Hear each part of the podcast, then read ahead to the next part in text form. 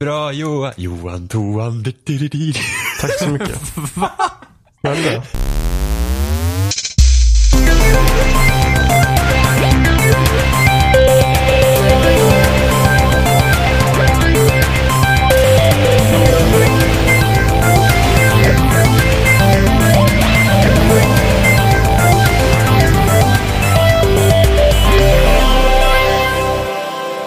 lyssnar på Spelsnack avsnitt 192 och idag är vi jag Johan, vi är Jimmy Hallå. ja, och, och Robin. Hallå! Jag visste inte vad jag skulle säga. Hallå! Jag tyckte det gick bra. Jag härmade dig. Ja, hallå. Hallå! Hallå! Hallå. Hallå. Hallå! Hallå. Hallå! Hallå! Hallå. Hallå! Hallå. Nästa gång ska jag härma Johan. Exakt likadant. När Johan bara Åh Robin, hej och välkomna till Spelsnack ska jag börja då. Helt Va? random. Eller, eller, eller Johan bara, och Robin, och Robin bara, Robin. Robin. Robin. Ja, gud. Mm. Är du sjuk idag Jimmy? Jag är så kall. Det får du inte ha ett hjärta. Jag är inte sjuk. Jo. Jag Fast tror att du är sjuk Jimmy. Fast det är egentligen det är en definitionsfråga nu för tiden. Ja, Jaha, och hur menar du då? Jag är alltid sjuk och aldrig sjuk. Va? Exakt.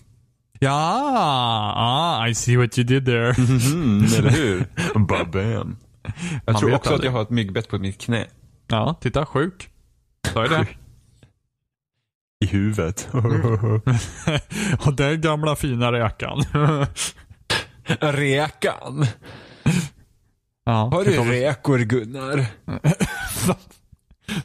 Du är så jävla trött Jimmy. Jajamän. Jag trodde jag var trött, men eh, Nej, just upped you.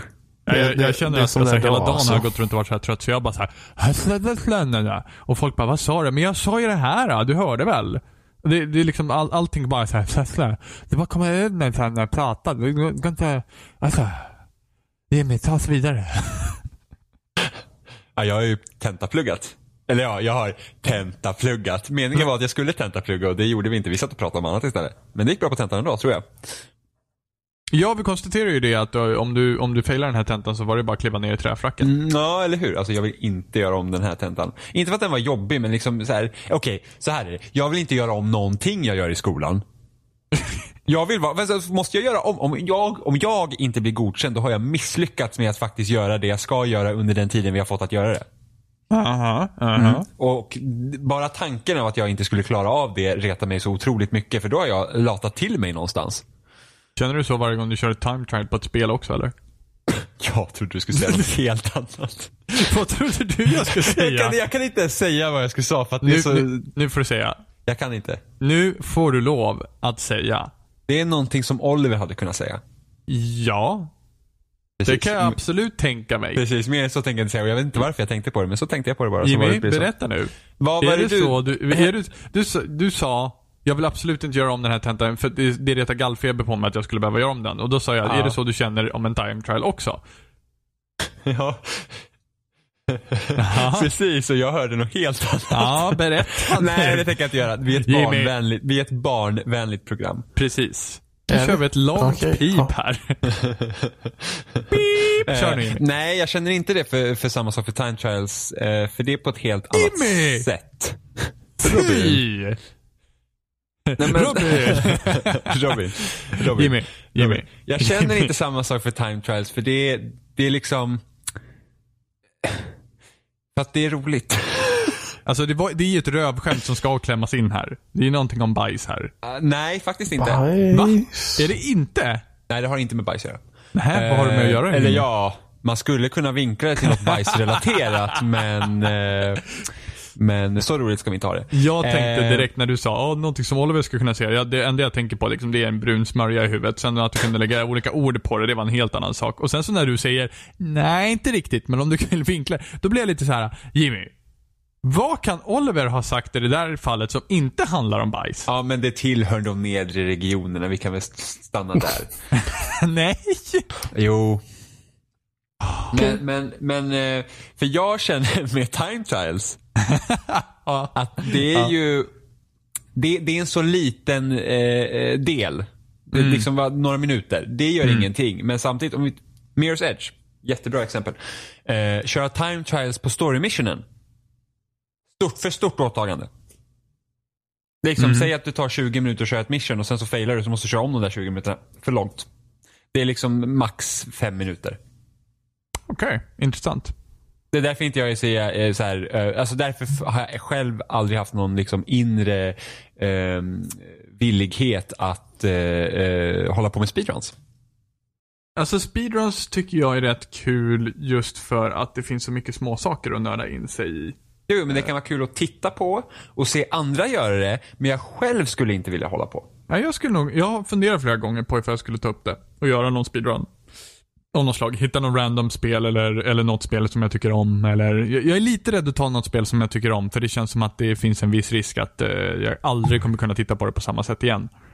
Eh, så jag har varit lite intresserad av att gå in på speedruns och börja. Ja, det, det var typ, vad var det, förra Awesome Games Done Quick. Så nästan prick ett år sedan efter att det hade varit så kände jag så här, ja ah, men fan man kanske ska testa. Eh, och sen kom jag aldrig igång. För det är ett gigantiskt jävla åtagande verkligen.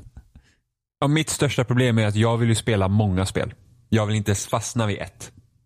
Jag tycker vi fastnar med ett spel hela tiden. Jo, men det, såklart, såklart man alltid kan komma till återkommande spel som att jag spelar typ Ja. Halo 5 med typ två månaders mellanrum. Men liksom mellan de punkterna så har jag också spelat en massa spel. Mm. Så att jag Ja, vill jag inte, kan- liksom, jag vill inte Ja. dedikera min tid till ett spel. Jag vill spela många spel. Vilket också blir ett problem för mig för jag är verkligen intresserad av typ alla spel också. Ja. Nej, jag kan, Eh, jag kan verkligen känna att jag får, kan tillåta mig att fastna. Eh, till exempel Battlefield 4 eller jo, Battlefield men du har, 3 eller... Men du har ja. inte bara spelat Battlefield under den här perioden. Jo, i stort sett. Så är jag helt tillägnad det. Ja, tystnaden. Ja men vad ska jag säga? Vad vill du att jag ska säga åt det? Jag Bara, nej, du har fel. Ja. Men jag kan ju, jag brukar ju också fast jag brukar alltid ha ett multiplayer-spel pågående hela tiden samt som jag har något annat jag spelar. Vad ska jag svara på det?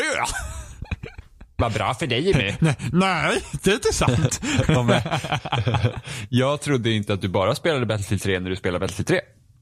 nej, jag lurade dig. Hur känns det? Hur Men känns sen- det att vara bedragen alla dessa år? Men, men sen är det ju faktiskt, you lied to me. Eh, samtidigt är det ju under den tiden när jag spelade som mest Battlefield 3 eller Modern Warfare 2 så kom det inte lika mycket spel hela tiden. För jag brukar alltid haft ett så här, du vet, sommarspel man spelar. Det vill säga, nu har jag det här mitt stora sommarprojekt. Det här är typ det spelet jag spelar den här sommaren. Som Red Dead Redemption var en sommar jag typ bara spelade det. Eh, Battlefield 3 hade jag typ en period på sommaren där jag typ bara spelade det. Eh, Modern Warfare 2 hade jag någon sommar där jag bara spelade det. För det fanns liksom inte, mm, det kom inte något nytt att spela. Mm, mm. Nu kommer det ju spel varenda hela tiden. Alltså jag kan inte prata korrekt svenska märker jag nu. Nej, men du, jag, jag, jag säger det. Jag är på samma nivå som dig. Eh, Allting är bara... ja men jag har ju konstig ordföljd. Ja, Eh. och ordförråd. Ja, men jag är finne också. Det är en Så- standardursäkt. Så fort det Jajamensan. händer. Jimmy, du är så jäkla... Du, du är en riktig liten smygrasse alltså. För så fort som det är någonting dåligt som kommer fram, du bara Jag är finne. Det är den Jag är dåliga sidan av mig. Jag är Synd att jag finne. nästan är 100% också. Ja, Sina som är dränkt i Koskenkorva och bastubad. och björkris. Ja. Eh, nej, så att jag... Eh, nu kommer det ju spel här. Nu kommer inte jag ihåg. Det var väl rätt så lugn sommar vill jag ha för mig att det var. I, I år? Ja. Jaha, nu ska Det vi kom- tänka tillbaka till sommaren. Det kom, väl, det kom väl inte så mycket spel i somras så jag tror jag faktiskt kunde spela ikapp mig på lite jag hade missat under våren. Ja, det hann inte jag. Jag vet inte vad som hände. Och jag jobbade Fy.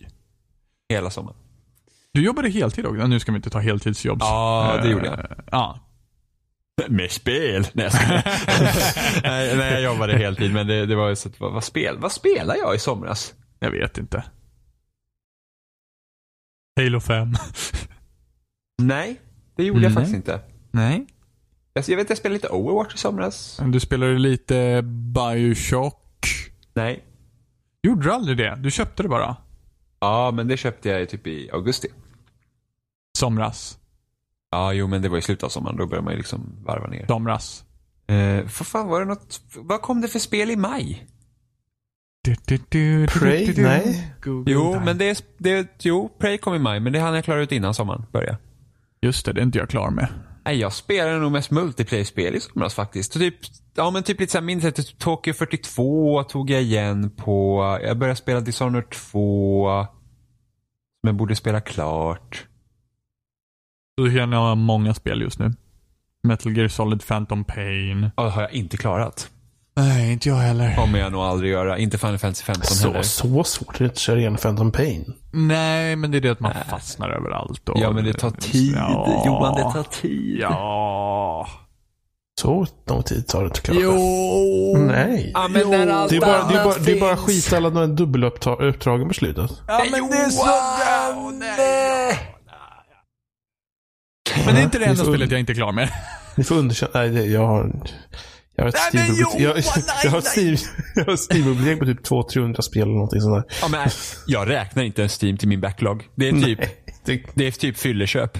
Utan att ha varit berusad. Nej men alltså det är seriöst. Okej. Så här. Nej, jag köpte inte spel när jag var berusad på Steam eftersom jag generellt sett dricker inte. Du var men... berusad av makt. Åh, pengar. I was am rich. Ja, I was money high. Nej, men sen man var typ... Nej men alltså, jag har köpt massor... Okej. När Steam har okej. rea nu för tiden så går aldrig jag in på Steam längre för att... Eh, dels är det inte lika bra längre ändå. så Nej, lugnt. ett, de är inte lika bra, men jag vill heller inte bli frestad att köpa spel som jag inte kommer spela. Och som jag sen dessutom, när de typ ett halvår efter att jag köpt dem på Steam kommer ut på PS4 Xbox One, och bara åh, jag köper dem igen. Eh, Fun. så, eh, så att typ, ja, men, typ mina nyaste Steam-spel är så från 2014. Men, eh, men, men liksom Steam-backloggen räknas inte som någon backlog. Det är bara spel jag har köpt för att typ ha. Samma sak som jag räknar sen jag köpte Bioshock Collection så är inte det Bioshock Collection i min backlog direkt för att de har ju redan spelat. Men om jag vill spela dem igen så har jag dem där. Eh, Jag, tror, jag tror väl att det som har drivit upp mitt bibliotek på Steam är väl de tidiga reorna som var typ runt eller de reorna som var runt 2010 typ. oh la la. Då, alltså, då kan man kan köpa spel för typ 20 spänn och grejer. Liksom. Det var ju inga problem att köpa riktigt billiga spel. Eh, och sen så Humble Bundle när det drog igång då. Mm. Det kom ganska många Humble Bundles på raken där ett tag. Nu vet jag inte vad det är för bundle så nu har IGN köpt upp det. Och en Ja, mutter, jag- mutter. Jag äger ju faktiskt bara, jag har ju bara köpt en Humble Bundle. Oj. You sweet summer child. Så att, So eh, innocent. Så att, eh, ja. Men jag, men jag föredrar ju alltid att spela på konsol så att, eh, så att jag brukar ju köpa spelen dit sen. Typ Stardew Valley köpte jag på konsol igen när det kom dit. City Skyline köpte jag på konsol. Eh, så att det, det, och jag hoppas att Owlboy kommer till konsol också någon gång. Så att jag kan spela där. Dock ska jag tror jag ska faktiskt ändra om i min lägenhet så att jag har datorn bredvid tvn. För nu har du datorn hur då, jämfört med tvn? Eh, jag har datorn längre bort från tvn så att jag har ingen HDMI. Jag köpte faktiskt, när jag köpte mina GameCube-kontroller och den här jävla eh, GameCube-adaptern till PCn och så jag bara, fan vad nice, nu ska jag köpa en tre meters lång HDMI-kabel så jag ska koppla datorn till tvn. Och bara, mm, och tre meter räckte inte. så att det blev så här bara, jaha, då får jag nog ändra mig. Sätt upp det så du har skrivbordet bredvid datorbänken liksom. Eller tv-bänken. Ja, men det det, är det jag tänker att jag behöver göra för att eh, jag ska köpa en ny tv-bänk och ska köpa en ny hylla bredvid den och ska köpa en extra bokhylla men då tror jag inte att det får plats bredvid varandra så då får jag flytta bokhyllan till den sidan där jag har datorn nu och då kan jag ha båda bokhyllorna på den sidan och sen så kan jag ha datorn bredvid tvn. En gång till. Berätta en gång till. Exakt likadant, exakt lika fort. Nej, de kan spola tillbaka Alla de hörde förstår vad jag sa. precis vad han sa. Så att, eh, för att eh, jag är så jäkla pepp på att typ köra massa GameCube. Vill ni veta vad jag hörde utav den där meningen? Nej. Men fungerar inte din hjärna lite så här idag Robin? Jag menar... Så att det är... Så det, det, jag, jag är väldigt pepp på att spela GameCube och sen har jag ju liksom SNES Mini att spela också så jag måste ju klara ut A Link to Past. Och det ska jag nog göra innan Mario kommer nu på fredag och Wolfenstein och Assassin's Creed vilket Alltså det är så sjukt. När den här hösten började så tänkte jag, gud vad skönt. Det finns typ inga spel jag vill ha förutom typ Mario. Jag ska inte köpa Destiny Just det, 2. det var inte länge sedan du sa det. Nej, jag vet. Och jag ska inte köpa Destiny 2 och jag, Wolfenstein köper jag sen och Assassin's Creed det kan jag köpa sen och Call of Duty kan jag köpa sen. Och Oh, sweet så summer child. Så det var så här, ja det, det, det är liksom nice. Det, det, det kommer inte så mycket spel i höst. Jag köpte Destiny 2, jag kommer köpa Mario, jag spelar Shadow War, och jag vill ha Wolfenstein, jag vill ha Assassin's Creed, jag kommer också vilja ha Call of Duty förmodligen. Eh, men det får bli sen. Tror jag.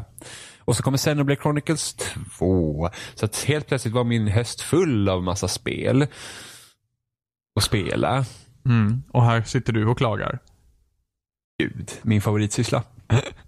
Du, du har spelat skräckspel Jimmy. Ja, för jag tänkte ju jag tänkte ju faktiskt tajma in så här. Jag bara wow, det är halloween och vi har bara gjort halloween-avsnitt en gång för typ 30 år sedan. Då tänkte jag, men för Jag att det är att det har funnits i halloween. 30 år. Nej, jag vet. Inte jag heller. News to me. Eh, så jag tänkte att jag skulle spela ett skräckspel till den här veckan så att jag kan prata om ett skräckspel som jag har spelat lagom till halloween. Och nu vet inte jag om halloween är den här helgen eller om det var helgen som var. Det är, väl, det är väl det sista väl, alltid? Nej, det är ju annorlunda. Halloween är konstigt. Sen Nej, all... halloween är det som är simpelt. Jaha, Ja. men är det allhelgonahelgen som är konstig då? Ja. Det är Okej, då påsk, och halloween. påsken är rätt konstig också. Halloween är alltid sista oktober. Jo, men alltså hur hög måste man inte ha varit för att tro att Jesus återuppstod? Was that a trick question? Det är nu jag känner hjärnan bara da, da, da, da. Mitt, mitt skämt var vilket fall som helst, halloween, du har spelat skräckspel. Ja! Jag har spelat på Jesus. och jag, Var, det. Outlast jag spelade i Gnosjö och så stängde Ja, av typ ja det direkt? var det. det, var, det, det, det Okej, det var absolut det ro- Och jag spelade Outlast 2 by the way. Men i alla fall. så vi var i Gnosjö på E3 och Jag tror jag Johan... har berättat här redan. Ja, jag Vi vet. Nu på. berättar vi det en gång till. Så Johan sitter och spelar på Robins PS4 och Robin har Outlast 1 på sin PS4 och Johan startar Outlast, sitter helt still och spelar Outlast. Ut. Finns inga reaktioner överhuvudtaget. Ja, men jag, sa, Johan- jag sa ju typ att okej, när det blir läskigt så kommer jag stänga av. Ja, men det här Det var sa ändå roligt. För att Johan var så här, han sitter helt som ett ljus, blixtstilla framför den här tv-skärmen och spelar Outlet. Det var den här lilla tv-skärmen också, det var inte stort. Helt liksom, det finns ingen reaktion alls i Johan överhuvudtaget. Det är liksom så här, som ett blankt papper. Eh, blank stare i, i, i skärmen. Första jumpscaren, Johan hoppar till och stänger av. Det gick verkligen från noll till hundra. Det var så här, la la la la la Men spelet gick ju 0 till 100 också. Det Ja. var liksom spooky, spooky, spooky och sen så sen började det liksom hända små saker. Jag bara, nej. Ja, men det såg så himla kul ut. Du rök liksom till och sen var det så här, klick. Inte ett ord var sagt. Det var, det var även, det, det, måste, det måste vara samma gång jag och, eh, jag och Robin hittade en massa roliga buggar i Watch Dogs. Ja, det var det. Och gud, Ja, det var- den videon finns fortfarande kvar. Man, Uff. man, man kunde synkronisera tågen som åkte in i varandra. Och körde, man- körde, man- körde man upp bilar eller lastbilar uppe på räcken så började de liksom så här gunga, Gunga. av. Eh, körde man båtar rakt upp på marken och så in i stenar så flög man typ rakt uppåt. Ja, gud. Ja, det var fantastiskt. Det var helt Den fantastiskt. minsta bilen också och så fälla upp de här uh, Jag har till och med för mig blockeringsstolparna. att du klippte ihop den videon som en så här lugna ner dig terapi efter Outlast-grejen. Faktiskt. Jag, jag tror vi förskönar historien här men Nej, det var, det var amazing. Amazing. Amazing. Men jag har i alla fall spelat Outlast 2. Vad duktig du är. Ehm, ja. Och eh, så jag hade inte så här jättestora förväntningar på det här spelet egentligen för att eh, jag, eh, alltså jag tyckte ettan var helt okej och som skräck, alltså det var typ också ett av de första skräckspelen jag spelade i första person. Eh, så då var det ju, på ren automatik var det ju läskigt på grund av det också. Eh, och eh, den här gången så, så eh, det här spelet utspelar sig liksom ute mer liksom i skogen. Eh, än, än Outlast 1 som utspelar sig i ett mentalsjukhus. Väldigt originell setting. Eh, men i alla fall det här, det här utspelar sig i skogen och det, det kände jag till så shit det här kan vara skitläskigt. Som den lantunge jag är liksom. Livrädd för träd. Och, och spelet, eh, det var faktiskt inte så läskigt. Jag, har bli, jag tror att jag har blivit totalt avtrubbad nästan för skräck. vi måste helt enkelt, jag måste helt enkelt testa det här spelet. Den måttstocken. Alltså, det, det finns ju vissa jumpscares fortfarande i spel. Alltså, det, jag tror min största kritik mot Outlast 1 var ju det att det, det blev gammalt väldigt fort. Alltså när man hade spelat, kommit en bit in i spelet, då var det så att okej okay, men nu har jag ju sett allt det här, nu är det inte läskigt längre för att det är ju samma sak. Eh, och mycket av det finns ju kvar i Outlast 2 också. Det är så att, ah, men nu blir jag jagad igen. Nu ska jag undvika den här fienden under det här området igen. Så det är lite sådana här små irriterande moment som jag känner bara blir jobbigt. Eh, men som helhetsupplevelse var det jättebra. Eh, och eh, inte utformat på samma sätt som Outlast 1. Outlast 1 var det här mentalsjukhuset. Du, liksom, du hade ett område du gick omkring i medan det här är mer utformat som eh, banor. Så du, du, du, du progresserar hela tiden eh, genom eh, spelet. Så det känns att du liksom tar ifrån punkt A till B. Eh, och den här gången, så de har ju kvar hela den här grejen med kameran och det, det är ju en jätte, alltså det är ju det bästa egentligen eh, som någon har lyckats med så här found footage-grejen i spel. Eh, för du har, ju, du har ju kameran och sen har ju den så här night vision läge och så kan du zooma och greja med den. Eh, och är du på ett mörkt ställe så gäller det att använda den. Och, och, och sen har de ju också här jättekonstiga system att du, du måste ha batterier till den här jävla kameran.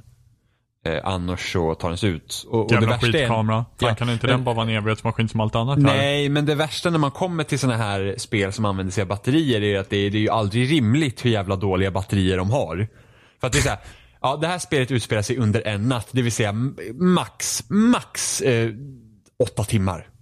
Spelet var sju och en halv timme långt så jag kan till och med tänka mig att kronologiskt sett så är det liksom eh, sju och en halv timme liksom, som det har gått till också för att man kommer dit på typ skymning och eh, spelet slutar i gryning. Eh, och under den tiden har jag säkert spenderat så här 30 batterier. Det, det, det är liksom, det, det, det är bara dåligt. Alltså det, De kanske var här- halvfulla allihopa som han hittade. Nå, men... Såg du han någonsin plocka upp ett sprillans nytt Duracell-paket? Nej, det är faktiskt sant. Man hittar lite skräpbatterier där. Jävligt nerskräpigt det här stället man är på. Jag visste Men det. ändå, det är så här, den...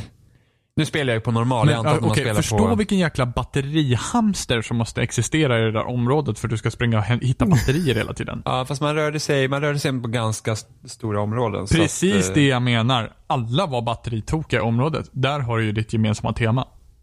Men det, det är så här. Alltså den, jag förstår tanken att det där batteriet kanske ska finnas där på svårare svårighetsgrader för att det ska ge någon form av stress. Att nej, mina batterier tar slut och jag har inget batteri och vad gör jag nu? Hjälp. Men spelet är ju liksom utformat så att ofta hittar man batteri när man behöver ha det och det är du utan batteri då är det ju i princip kört. För att är det kolsvart då är det fan i mig kolsvart och har du inte ett batteri då, då vet inte jag hur fan man ska kunna ta sig framåt i spelet. Eh, så att den den delen skulle jag säga nästan är helt jävla onödig att ha så. Utan då får man ju leka på andra sätt med den där jävla kameran. Eh, men i alla fall, jag känner ändå att den här idén med kameran, precis som i Outlast 1, är jättebra.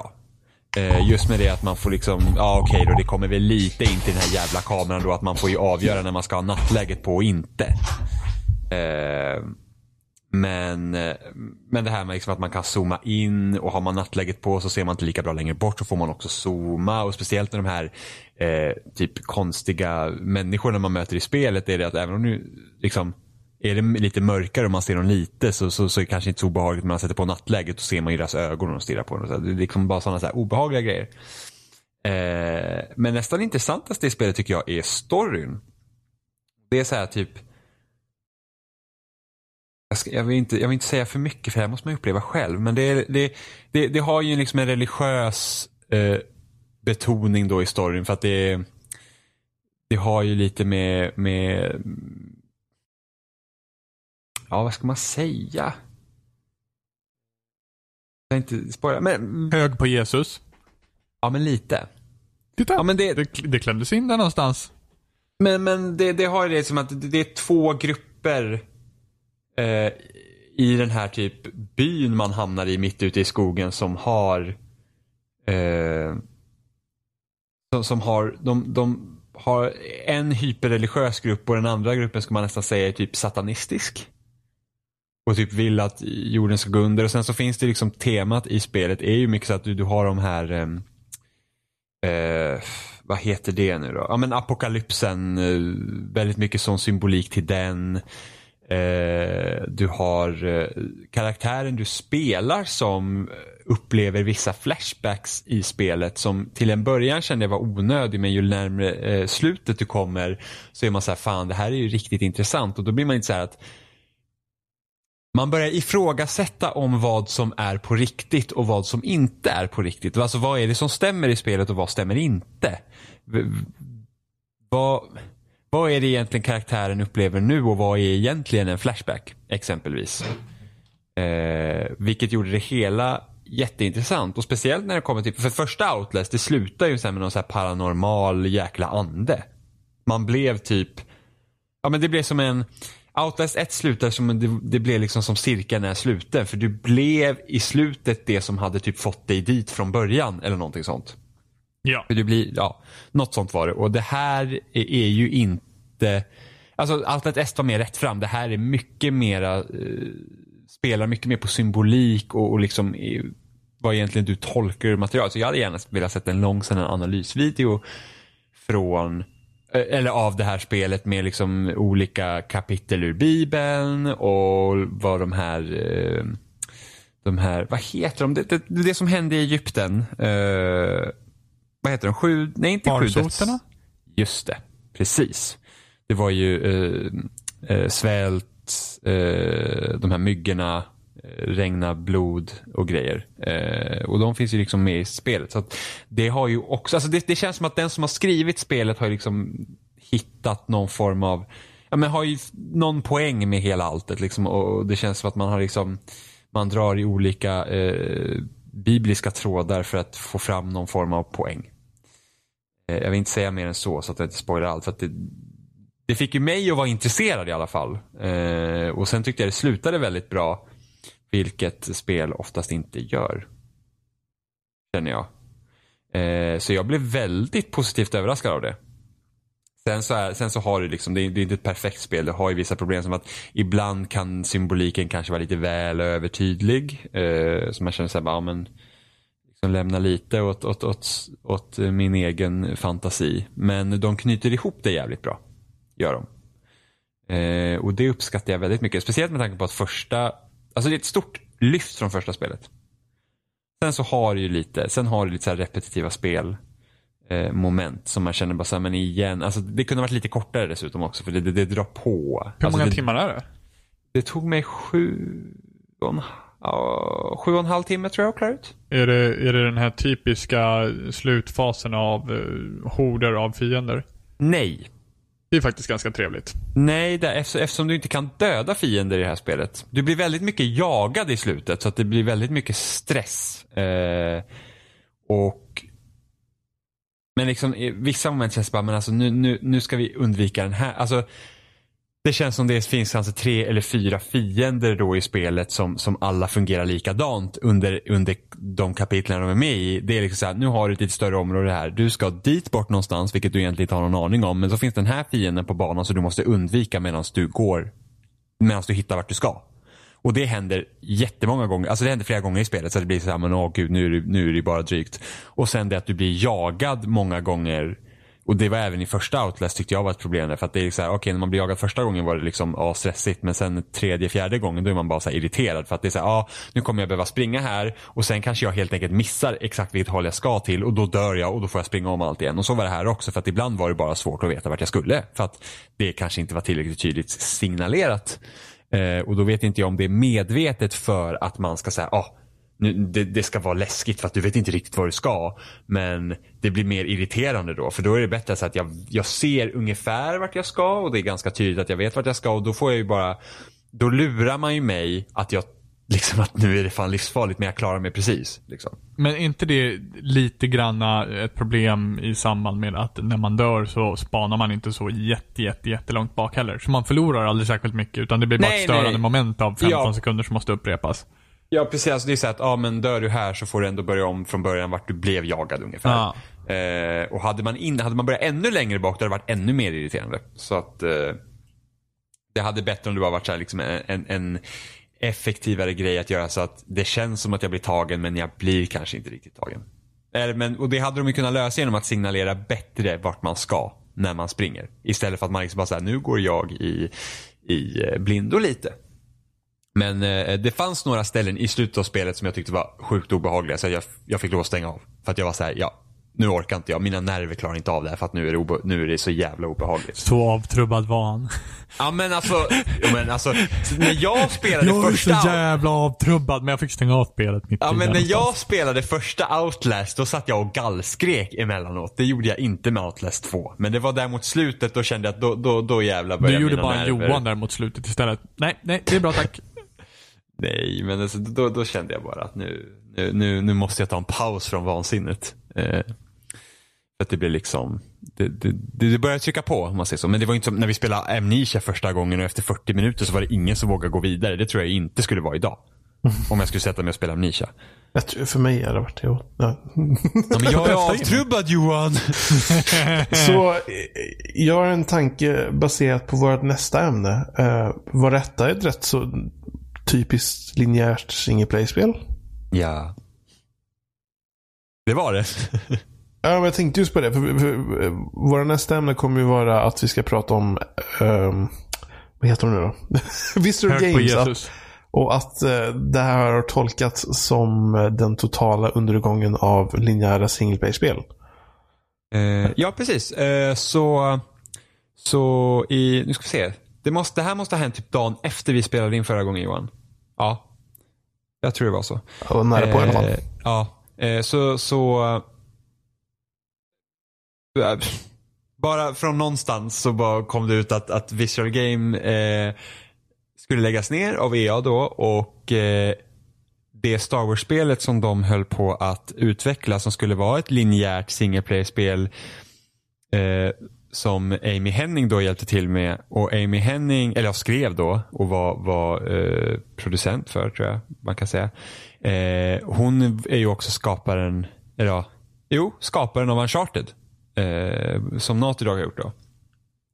Eh, och, och det lades ner och sen har de, eller ja, spelet har inte lagts ner eh, på riktigt. Spelet har skiftat fokus och studion har lagts ner. Eh, och då kom det ju, då, då, då var det ju massa shit, alltså då är det så här att, ja, eh, är det här liksom slutet för ett trippel A eh, single player-spel av den här typen? För att det som då stod i den här, eh, eller det här uttalandet från Patrik Söderlund på eh, Electronic Arts var ju det att, att eh, liksom att eh, landskapet för att göra spel har ändrats och den de har liksom kollat feedback från spelare och liksom att märkt att den här typen av spel kanske inte var det man ville göra. Eh, och då ska de liksom, Klimatet har ändrat sig, Ja. de. och då ska de skifta det här spelet till att liksom vara en, en, bredare upplevelse som tillåter mer agens för spelaren. Då, alltså, Eh, långvarigt? Nej? Jo, Ja, precis. Och sen att man har då mer, eh, alltså du ska, istället för att du är klar med spelet efter sex timmar så ska det liksom vara så att du vill engagera dig mer och mer i spelet. Liksom. Det vill säga, hej, Destiny är ett spel som folk tycker om och vi vill också göra vårt Destiny och då låtsas vi alltså att vi inte har ett Anthem i utveckling som Ja, jag skulle precis säga, de har ju redan ett. Eh, så låter det från, från uttalandet. Sen så är det eh, Jason Schreier på Kotaku tweetade ut sen senare att, att förmodligen var det större problem än så med spelet för att eh, det, det lades inte ner för att det var ett single play-spel om man säger så. Utan, utan det, det verkar ha varit andra grejer. Så, att, så förmodligen så har det liksom, jag skulle tro att det har gjort så att det här eh, det här spelet har haft proble- andra problem. Men det ser snyggare ut om man skriver så här för investerare. Ett tecken kan ju faktiskt vara att vi... De har visat någon så här konstig kort sekvens bara och sen har de inte... Sen har tyst om spelet. Mm. Och det här skulle ju släppas 2000, deras räkenskapsår för 2019 och nu har det flyttats bort därifrån också. Och det här spelet utannonserades ändå jäkligt tidigt för att jag tror det var, om det var 2013 eller 2014 EA fick den här tioårsdealen med eh, Disney om att få göra eh, spel med Star Wars-licenser. Och det här spelet utannonserades i princip samtidigt när det eh, partnerskapet eh, utannonserades. Så att det här spelet har redan varit i utveckling här fyra år. I princip. Det var väl i samband när de visade Battlefront eller? Det var ju typ så här Battlefront höll på det men vi har även något annat. Eller jag kommer inte ihåg. Var det inte något sånt? Nej, jag tror Battlefront kom senare. Battlefront var ju en E3-trailer, bara en Ja, teaser. just det. Eh, utan det här var ju innan. Så då, då, och då, då var det ju massor som började så fundera på att okej, okay, är det här slutet för single play AAA-spel? Mm. Även, även när jag och Oliver diskuterade det här så var det så här, men är det... För den här typen av single play-spel görs ju inte riktigt längre. Eh, och då kan man också säga att Jo, det finns fortfarande single play-spel. Alltså, som Shadow of War som släpptes eh, för någon vecka sedan. Eh, är ju ett single play-spel. Jo, men det är ändå ett single play-spel. Ja, eh, men, men det var ju specifikt att det här var ett linjärt single play-spel. Och det var det folk fick panik över. Att... Precis, men många ja. som argumenterar för att single player-spel eh, fortfarande finns har just nämnt de här öppna världarna. Eh, alltså typ Shadow War, ja. Assassin's Creed och sånt. Det är ju det är en helt annan typ av, av, av en single player-upplevelse. Eh, och då räknar man inte bort då indie-sidan, för där finns det ju gott om single player-spel. Eh, utan det är bara liksom A-varianten. Eh, eh, och jag skulle säga, alltså, nej. Det är ju alltid som så att det är trender som går i, eh, i utveckling. Så om man tänker tillbaka liksom mot slutet av 360 och PS3-eran så var det liksom Alltså shooters var ju överflöd. Det var ju så korta shooter-kampanjer. Det fanns ju hur mycket som helst. Och, och, och, då hade du någon kort kampanj och sen var det alltid något pålagt jävla multiplayer vid sidan om. Eller co-op. Det var ju liksom, det var liksom trenden då. Och den här generationen har ju varit väldigt mycket eh, open world-spel. Som har varit liksom på, på eh, kartan. Och, och, jag känner mig lite så här att det Alltså single play-spel är inte dött. Ja men det här är faktiskt en sak. Bethesda gör ju faktiskt jävligt många single spel Eh, kanske inte korta och linjära, men, eller korta men de är linjära och liksom många av deras spel är ju, är ju single player. Eh, dock så säljer de väl inte jättebra. Det är väl typ det tråkigaste. Bethesda är ju lite det här, det, efter, speciellt nu eftersom de plockat upp id också. Så är de ju det här gamla PC-spelsgardet liksom. Ja, och så man liksom, Doom sålde ju bra, det, det vi gjorde, men liksom Prey sålde inte, sålde inte något vidare. Uh, Dishonored 2 sålde inte jättebra. Uh, och sen uh, Death of the Outsider som kom nu några veckor sedan sålde inte heller, ser inte heller ut att ha sålt jättebra. Det är ju det, det är lite trist. Men just det här med att man, det också reagerar på det här statement var också det att feedback från spelare, att det inte var spelare vill ha. Och då tänker jag så här, men alltså hur, hur mycket liksom Destiny-liknande Games as Service-spel vill man ha? Och sen tänker jag liksom när det här spelet väl kommer ut, är inte risken väldigt stor att den här trenden är över? För att hur, hur, hur mycket plats har man för att ha spel som Games as Service. Det finns ju inte tillräckligt många som spelar eller ens har tid att spela och dedikera sitt liv åt ett spel om det finns så många av dem. Nej, men det är väl därför man battlar om att vara den som släpper det spelet. Jo, men det är bara att det här spelet kommer förmodligen tidigast komma ut 2020. Mm. Jo, jo, men alltså det, det, det är liksom varför, varför många gör, hoppar på den här trenden just nu överlag. För att alla vill vara den som spelar jo. det spelet. Jo, men det förstår jag också. Men samtidigt känner jag liksom så att har de inte lärt sig någonting? För att samma sak var det när man eh, under 360-perioden när man var så här, ja, oh, multiplayer var det nya heta. Alla spel skulle ha ett multiplayer-läge. Men det fanns inte tillräckligt med människor som spelade dessa multiplayer-lägen för att det finns inte, alltså du, kan, du kan inte ha så många liksom, olika multiplayer-spel och tro att man har en, en, en bra spelarbas för dem. För att det räcker inte till. För mm. att du har de här stora giganterna som Halo, Call of Duty, Battlefield. Du, då kommer ingen sitta och spela multiplayer Bioshock 2. Och speciellt inte nu när liksom, nu har vi liksom Overwatch i liksom, alltså titta bara på, på Lawbreakers när det kom. Det är ju ingen som spelar Lawbreakers. Och det är ett, liksom ett, ett, ett, ett, ett multiplayer-spel. Eller titta på Titanfall 2. Men kan det inte bara vara så enkelt att man liksom sneglar över på Destiny och bara, men de lyckades jo. ja. Ja, men det är förmodligen det man gör. Det där, som vi har pratat tidigare i den här podcasten om The Division. Vi, tror, alltså, vi har spekulerat om att The Division ändrar ju eh, fokus efter att Destiny kom ut. Mm, mm. För att bli mer Destiny-liknande. Mm. Eh, och då ser vi Anthem kommer ju vara typ ett Destiny-liknande spel. Men då, då, ska liksom ha, då ska vi ha Anthem och så ska vi ha då ett till.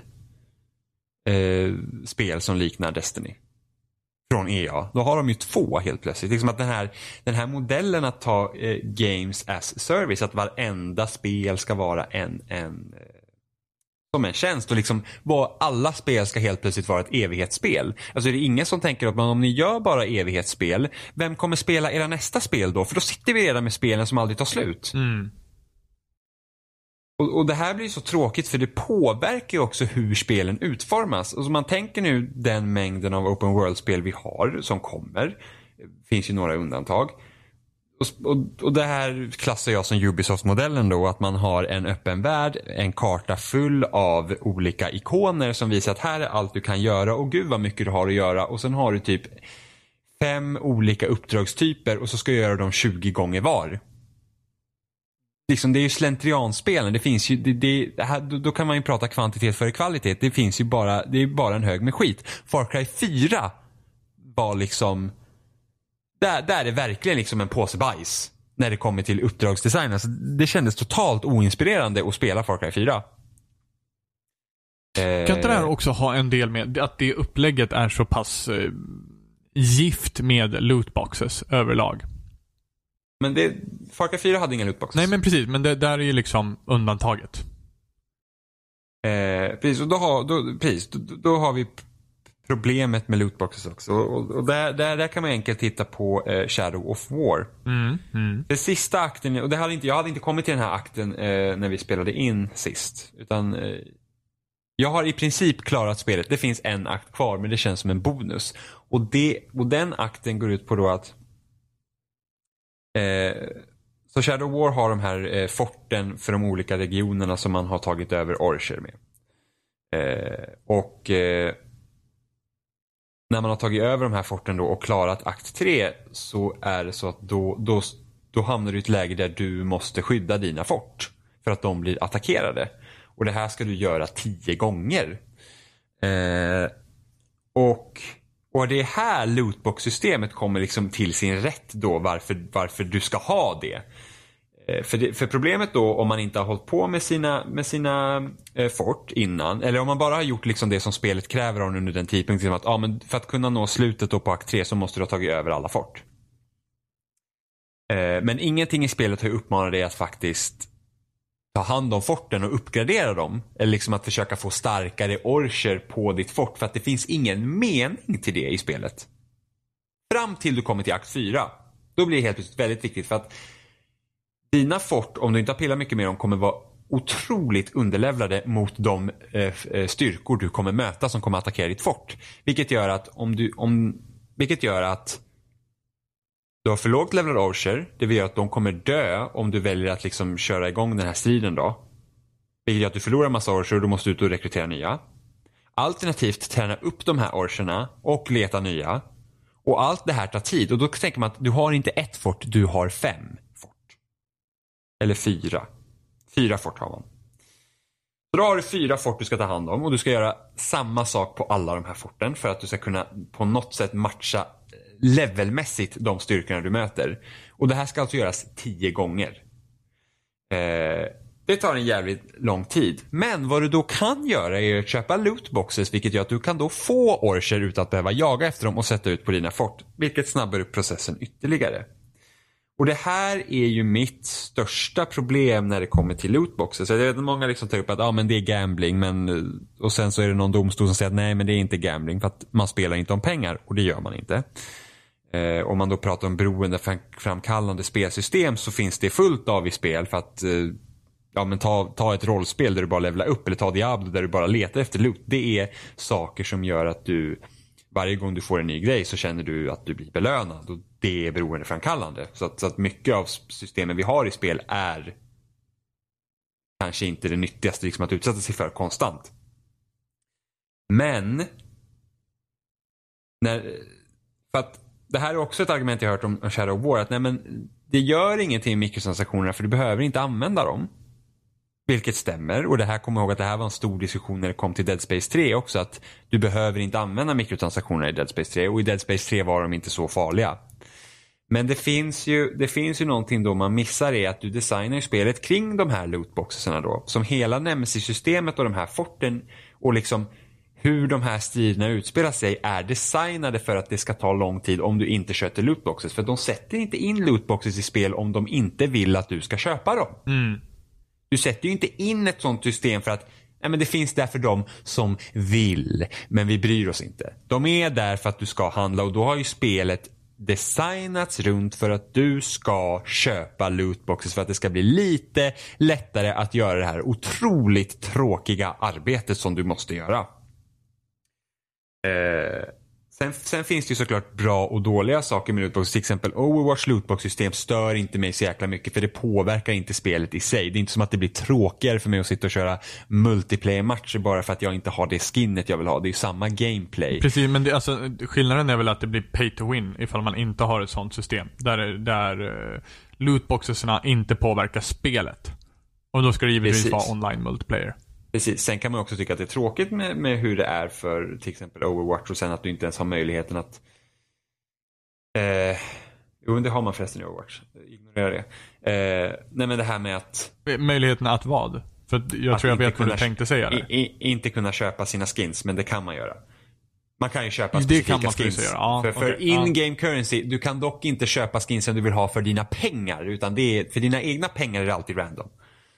Eh, vilket man också kan tycka är ett problem. Det är därför jag inte tycker om lootbox-systemet och spendera riktiga pengar på en lootbox. För att om jag ska spendera pengar något vill inte jag spendera pengar på chansen att få det jag vill ha. Utan då vill jag spendera pengar på det jag faktiskt vill ha. Eh, Mm.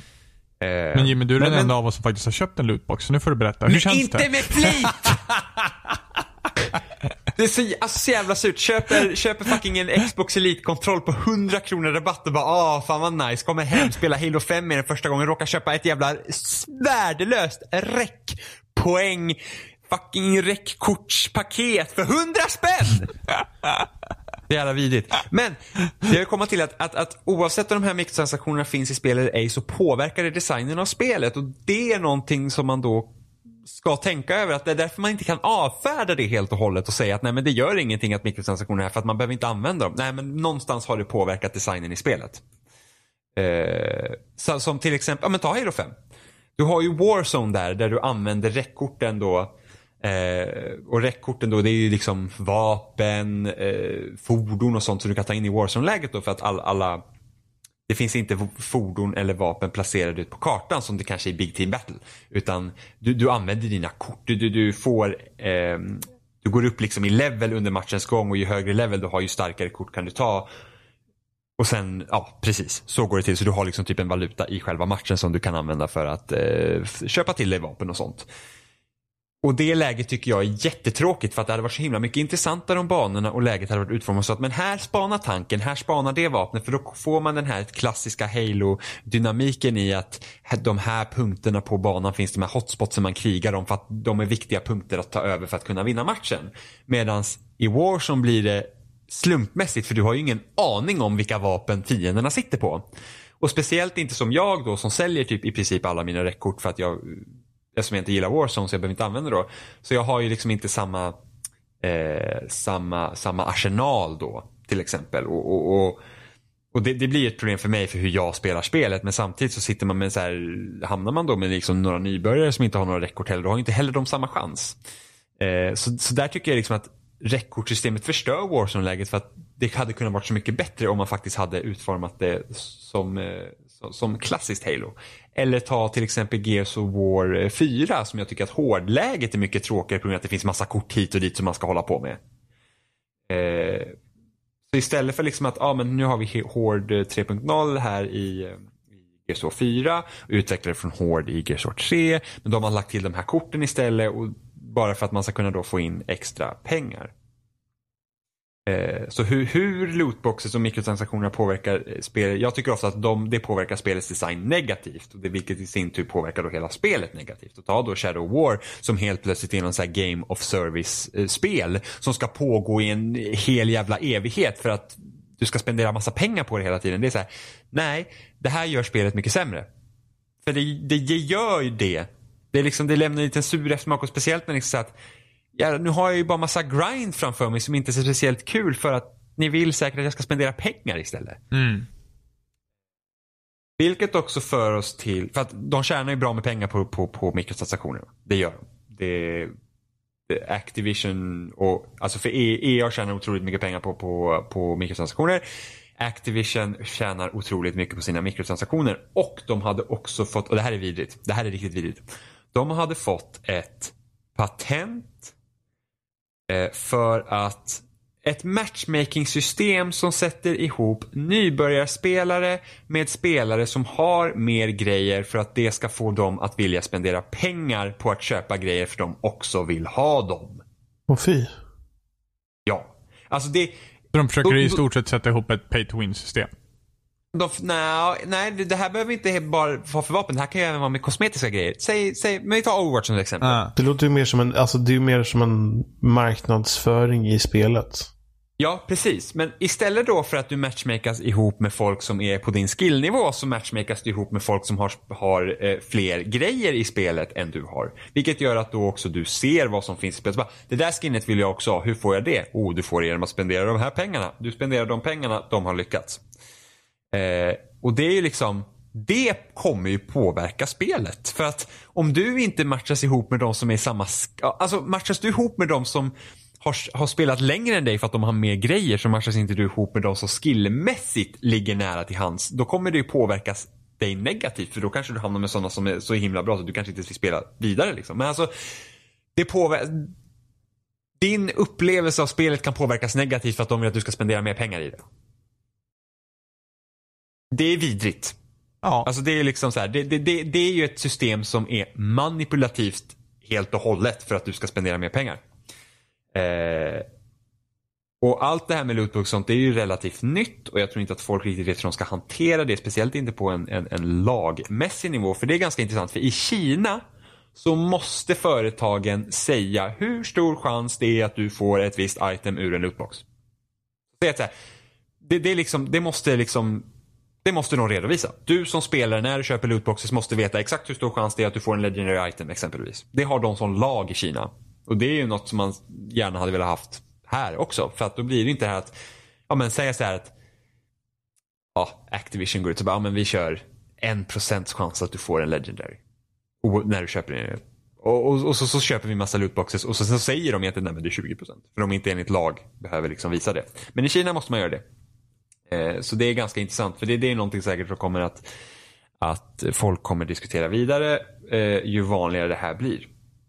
Sen så finns det ju ett annat argument till för att ha lootboxes i spel och det är det här med att spel är dyrare att utveckla nu, vilket också stämmer. Eh, Det här att spel är dyrare och därför försöker de hitta olika inkomstkällor för att tjäna mer pengar på spelen. Och därför görs också spelen så att de är de här evighetslånga spelen. Så du spenderar mer tid på dem så att du förhoppningsvis spenderar mer pengar på dem. Så att du också eh, ja precis. Om vi går tillbaka till det här Star Wars Gaze så att det ska vara ett spel som du ska ha med dig under längre tid så är det ju för att oj vad dyrt det blev. Nu ska vi se till att vi får tillbaka vår investering på det så då kommer vi sätta in massa mikrotransaktioner i det här så att du spenderar pengar på det. Och det här med att ja, men spela kostar 60 dollar jättelänge. Eh, så, och utvecklingskostnaderna har stigit så det är klart att då måste man hitta nya grejer att tjäna pengar på. Och då är det så här, okej, en lösning skulle då kunna vara att höja spelpriset.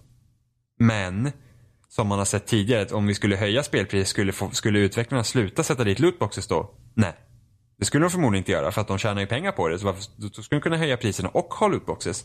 För att det är också en sak som EA gjorde när de, mm, innan de släppte Origin. För då sa den då, dåvarande vdn för Act- eh, e, eh, Electronic Arts sa då att anledningen, alltså skulle vi kunna ha en egen butik så skulle spelen kunna vara mycket billigare för att då försvinner mellanhanden. Hur ser spelpriserna ut på Origin?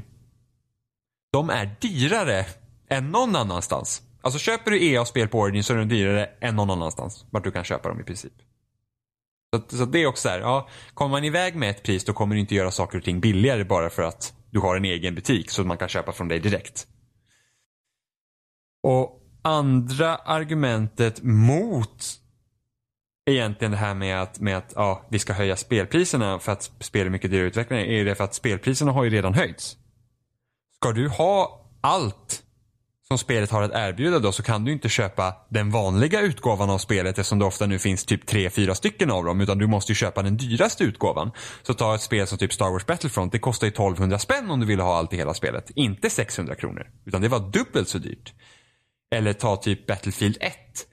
Som också hade med, med premium och det när du får alla expansioner. Nu, nu, nu tänker inte jag liksom basha allt för mycket på Battlefield 1 för att Battlefield 1 som spel när det kom utan någon expansion känns ju fortfarande som en, en, en komplett upplevelse. Medans eh, Battlefront var ju väldigt sparsmakat. Alltså det var ju ganska content light liksom. Så då är ju spel redan dyrare. Vill du ha allt som spelet har att erbjuda då får du ju punga ut mer pengar än dina 60 dollar.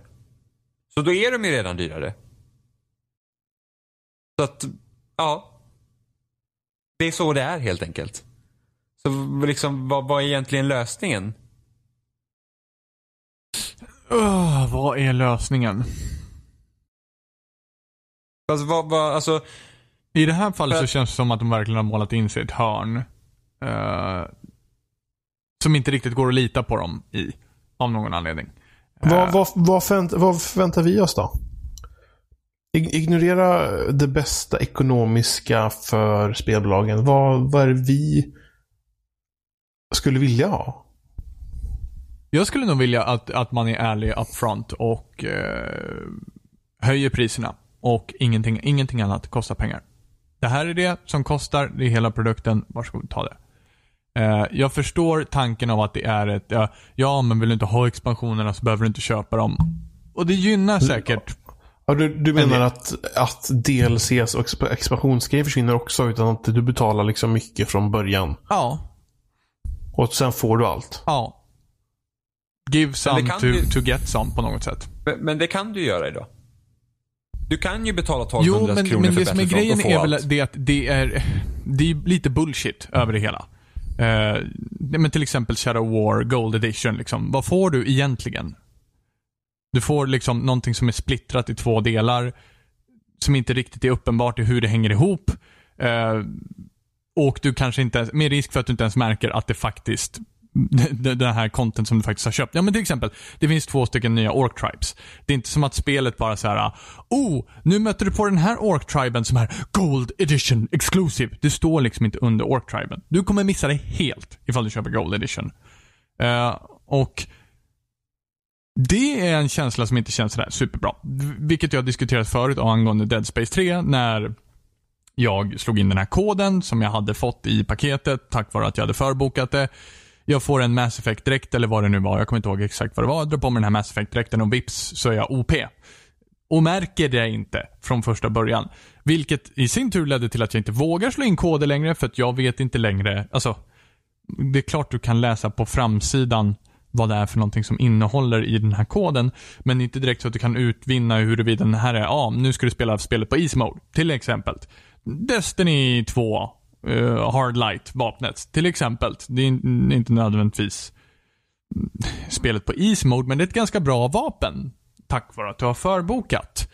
Um, jag skulle helst se att man struntar i de sakerna och faktiskt sätter ihop spelen ordentligt. För det finns en del utav mig som gissar på att Gold Edition var säkert en del av hela Shadow of War från allra första början. Där de sedan har tänkt, men nu ska vi tjäna lite mer pengar. Så vilka delar känns mest bekväma att separera från spelet i sig? Tänker jag. Alltså jag kan tro att vissa, till exempel Orcs Triben säkert. Ja. Eh, Men jag kan tänka story- mig att även de där story questen också. Det är bara det att de liksom så här, nu, det här planeras att göras just nu. Det kanske till och med var planerat från första början att de skulle få med det i grundspelet. Men sen bara, äh, lägg det lite på is. Vi förde in det sen i Gold Edition. Alltså, förstår du? Att man planerar hela upplägget på det sättet. Ja fast de, de storyutdragen finns ju inte just nu. Nej, men att man har planerat upplägget. Att de kanske till och med var planerade för grundspelet från allra första början. Men Jag sen vet- under development så kommer man på att, nej men de behöver inte komma in just nu. Jag vet inte, alltså ofta så planerar man ju DLC och sånt ganska tidigt i produktionen just nu också. Ja, men då Ungefär måste det ju vara var- sammanhängande med spelet. Eh, det, tråkigaste, det tråkigaste dock med DLC och sånt är ju det att det är ju oftast inte av värde. de når ju inte upp till kvaliteterna som grundspelet har. Nej, när du kommer många till, gånger. till Alltså om man tänker nu såhär the golden era of single player DLC liksom någon gång där i mitten på cykeln av 360 när vi Mm. liksom fick såhär eh, Lost and Damned, Ballad of Gay Tony, vi hade Fallout 3s DLC, vi hade Minerva's Den till Bioshock 2. Ja, men lite lätt för Dead DLC Eh, också. Ja, jo, men det är banor. Ja. Nu tänker jag single player DLC. Eh, vi hade eh, stor eh, story-expansion, eller ja, en, en Undead Nightmare till Red Dead Redemption som jag förvisso inte tyckte om.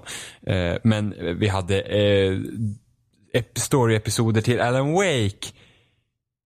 Nu görs ju inte, alltså DLC har blivit en sån, DLC har typ blivit en sån här eh, nästan rullbandsindustri där man liksom har någonting som DLC. Det, det, det, är liksom, det enda DLC till liksom en single player eh, kampanj som jag känner ens har varit värt den här liksom generationen att titta på är eh, Witcher 3. För det var riktiga expansioner, liksom en nya storyline som, vä- alltså det, ta Blood and Wine, det kändes som ett helt nytt spel. Och det var värt att sätta de pengarna på dem och sen så, jag, nu vet inte jag hur Fallout 4 expansionerna var. Men är, är de ens på samma nivå som Fallout 3 eller liksom, för det känns som att de är så, alltså man släpper bara lite i ett DLC-paket. Alltså jag, liksom- jag tror jag hann spela klart. Jag köpte DLCn. Jag spelade väl det med bygga robotar. Och Mm. då var det typ kort story och sen var det tillägg att du kunde bygga robotar. Ja, så det är liksom bara, det är bara små fragmentariska grejer istället för att vara liksom en, en, en ordentlig liksom storyline. Men sen finns det ju, vad är det, två till eller någonting sånt där. Ja. Som är lite större tror jag. Men jag, det är väl inte något så här jättestort. Nej, och typ sen, alltså, som Mass Effect 2 hade ju Lair of the Shadow Broker som var rätt så stort, men inget annat DLC till någon annat Mass Effect var ju liksom något att hänga julgran på. Nej, jag, jag förstår vad du menar med att det känns som att DLC finns till alla spel idag bara för att det ska finnas DLC till alla spel. Mm. Kollar du till föregångaren till DLCn, alltså expansionspaket. Då var ju vissa spel hade det och vissa spel hade det inte. Ja. Men, men nu är det ju att alla spel har DLC. ja, och det finns typ hundra liksom, editions av varenda spel. Så, det- alltså det, det är liksom Ja, men jag, alltså slutet av förra generationen med 360 det, alltså jag skrev ju inte i mina pre-order-koder. Jag skippar ju det helt. Jag bara, jag orkar inte. Och då är det så här, då är det ju många grejer liksom som har försvunnit också. Som, som, ja, season passes finns ju fortfarande kvar, om jag känner väl att de börjar väl sina, känner jag. Jag vet inte För, hur många. för hur är det med Battlefront 2? Det, de har bytt... Där, allt ska vara, alla banor och sånt ska vara gratis i Battlefront 2. Ja, men så är det lootbox istället. Ja. Jag antar det. Så jag antar att tanken är att lootboxarna ska finansiera det då? Eller så här liksom. Ja. Att det är någon sorts tanke. Ja, men förmodligen och de kommer säkert tjäna storkovan på det också. Eh, men men eh, online passes var en grej. Förra Som jag, som jag seriöst trodde fortfarande var en grej när vi pratade om det Ja. sist. Nej, det är de inte. Men det, är liksom, jag hade missat att det försvann. det är ju saker som försvinner så att frågan är ju liksom när, om och hur kommer lootbox-systemet att brinna upp liksom. Och det kommer ju vara när helt enkelt man märker att en majoritet av spel som har lootboxes inte säljer dem. De stora spelen kan ju fortfarande ha dem. Eh, för att där folk köper. Men, men jag kan tänka mig när typ alla spel kommer ha lootboxes så kommer inte alla spendera pengar på alla lootboxes. Jag har fortfarande inte köpt frivilligt en lootbox. Faktiskt. Ska vi se. Går man tillbaka till någon sorts tidigare föregångare. Så tror jag faktiskt att, nej jag har köpt, jag har köpt nycklar till lådor i CSGO. Ja, ja. För där får man ju lådor. Alltså i spelet. det? Men man kan inte göra någonting med dem. Förrän man köper en nyckel för att öppna dem. Alltså en nyckel för riktiga pengar. Ja. Men du kan tjäna lådorna. Ja. Det är, Precis. fan, det är vidrigt. Det var ju samma i TF2 också med hattar. Du fick som att, lådor och så tvungen att köpa nycklar då för att låsa upp dem. Så i princip som- var det att man köpte dem ändå. Liksom. Ja, men då hade du redan fått dem och då, är, då, är det, då blir du ju mer manad till att köpa nycklar då eftersom du har Ja. i lådan redan. Det är som att ge bort en present till någon och sen bara, men du får betala den här. Ja. Men du har ju fått det i presenten. Nej, det är fan, det är fan, det är fan usch. Är det vad det är. Jag vet inte om det är samma i... Jag kommer inte ihåg om de faktiskt la till såna här lootbox-aktiga saker i Dota 2 också. Eller om hur de gjorde. Jag har faktiskt Men, ingen eh, aning. För jag, jag vet inte vem det var som började med allting. Men, men TF2 var ju tidigt. När det hade blivit free to play och de körde med att man kunde låsa upp hattar och... Ja, fast du kunde väl köpa hattar innan det blev free to play va? Det är fullt möjligt. Ja, men de, var- de var ju tidigt ute. Det var Där, folk, där tjänade de pengar på det ett bra tag. ja, folk, men där kunde du ju också skapa egna hattar och sälja dem själva. Jag har för mig att det var någon som blev riktigt rik på att sälja Jag, hattar. jag, jag har för mig att nästan allt var skapat av spelare tror jag. Ja. Och så, var, roligt. så, så tanken var liksom väl att, att Valve tog den största delen av kakan så att de tjänar pengar på det. Men de som skapar det tjänar också lite pengar på det. Så det ja. Men På det kan jag ändå känna de- helt... De, de fick spelarna att, beta- att, att göra det istället för dem själva. Jo, jo, men då kunde ju Redan, de känna... redan där började de sluta utveckla spel. Ja, så vem, vem skapar första Half-Life 3 då och får det finansierat? Ja, men det är ju samma med Black Mesa där ju. Det är ju några som gör, eh, när de gör om första Half-Life. Och där ska ju det sista komma nu i, eh, i december tror jag. Så det är Ja. komplett. Ja jävlar, då får man ha kopplat datorn till tvn så man kan spela det. Ja. Då ska de tänka mig att köpa det också. Ja, just det. Ja, det måste man göra. Ja, de har ju tagit bort modversionen som var gratis. Ja, de snikna jävlarna. Här arbetar man inte gratis. jag tror, som jag förstod det som, de började med Black Mesa i princip innan Half-Life 2 släpptes. Är det så länge sedan? Ja. För Åh, det fan. som de, den allra, allra första försöken. För det läckte ju en massa Half-Life 2-saker innan det släpptes. Och, och redan där började de ta- med tankarna om de kunde göra Half-Life 1 i Half-Life 2s motor. Okej. Så i princip så är Black Mesa i tanke lika gammalt som Half-Life 2. Åh jävlar. Ja, det var ju... Och det förmodligen släpps färdigt i år om de lyckas. Ja, men det ska ju bli nice. Det ska bli, det ska bli nice att spela det. Det är en speciell känsla över Half-Life-spelen faktiskt. Det finns liksom inte riktigt något annat spel som känns som Half-Life 2. Alltså, man- det, det är en sån speciell känsla när man startar det spelet. Man bara, oh, nice. Ja, men speciellt man... Det, jag vet, Half-Life, jag har nog lagt till i Half-Life 2, men i Half-Life Episod 1, Half-Life 2 Episod 1 och Episod 2 så har de så här eh, kommentarspår. Ja. Att det är så bubblor som ligger där. Och den mängden av hur, de, hur genomtänkt allting är. Mm. är väldigt fascinerande. Nu är det förmodligen så genomtänkt i ganska många spel. Eh, men ja, nej, det är väl ja, ett av mina favoritspel någonsin. Och jag kommer ihåg när jag skulle köpa Orange Box. Jag sa, men gud, kommer jag ens hinna spela ut de här spelen innan Half-Life 3 kommer? Det kom aldrig. nej, det, nej, det kommer ju aldrig komma. Ja, det, det, ja. På fredag släpps ett nytt Mario. Ja, det gör det fan. Ett, n- riktigt nytt Mario. Ett riktigt fucking nytt jävla Mario. Ett nytt Men riktigt fucking Mario. Bergsala har inte skickat Switch till mig än, så jag kan inte spela den. Nej, Bergsala, det var dåligt. Får jag ta upp Peter Carrot på Twitter och säga att hej. Jag suger gärna om Miyamoto för en Switch. Va? nej, nej. Miyamoto, vill du ha några guldpengar? Bling! Tut, tut, tut, tut. Får jag... Vill din snorre smaka på svamp? Här. Ja, Mario. Åh, alla Timell-skämt vill- som dök upp. Ni förstod svampskämtet va? Nej. Men du blir större av svamp. Ja, just det. Mm. Secret sauce. Ja. Miyamoto, I'm going star mode on you. ja, precis. Jag håller på hur länge som helst. Jag är odödlig. Då vill man inte leka med eldblomman.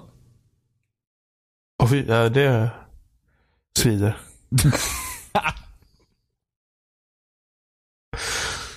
Vet man vad Yoshi använder tungan till? Du, du, du ska, om du, om du tänker på att Josh använder sin tunga, tänk på vad Kirby kan göra då. Nej, nej. Ja. Vad kan man använda Bowsers taggiga svans till? Jimmy, berätta. Vad kan man använda den till? The possibilities. Jag vet inte. Analplugg. Nej. Jag tror, jag tror det är dags att börja runda av innan det ballar ur totalt. ja, Johan har ju en tid att passa. Ja, alltid. Med Bowsers svans. Nej, med mer motto. Jaha, med min motto, förlåt. Eh, Vi finns som Go vanligt Kirby på spelsnack.com. eh, Där hittar ni länkar till YouTube, Facebook och RSS-flöden, iTunes. Ni kan mejla oss. Spelsnacket, gmail.com. Ni kan skriva oss på Twitter, spelsnackpodd. Hör av er. Jag tror, någon kommer att, jag tror att någon kommer köra lite blackmail på en switch här. Johan bara så här dold kamera med sig. Åh, min, åh, motto. Alltså vi bor i Sverige. Vi har ingenting med dem att göra. Vi har ju bara Bergsala. Ja, väl, du kan väl knacka på Oves dörr. Ja, vadå? Miyamoto har väl varit här i Sverige någon gång? Åh, Shigge. Nej. Hejdå. Shigge. Hejdå. Shigge.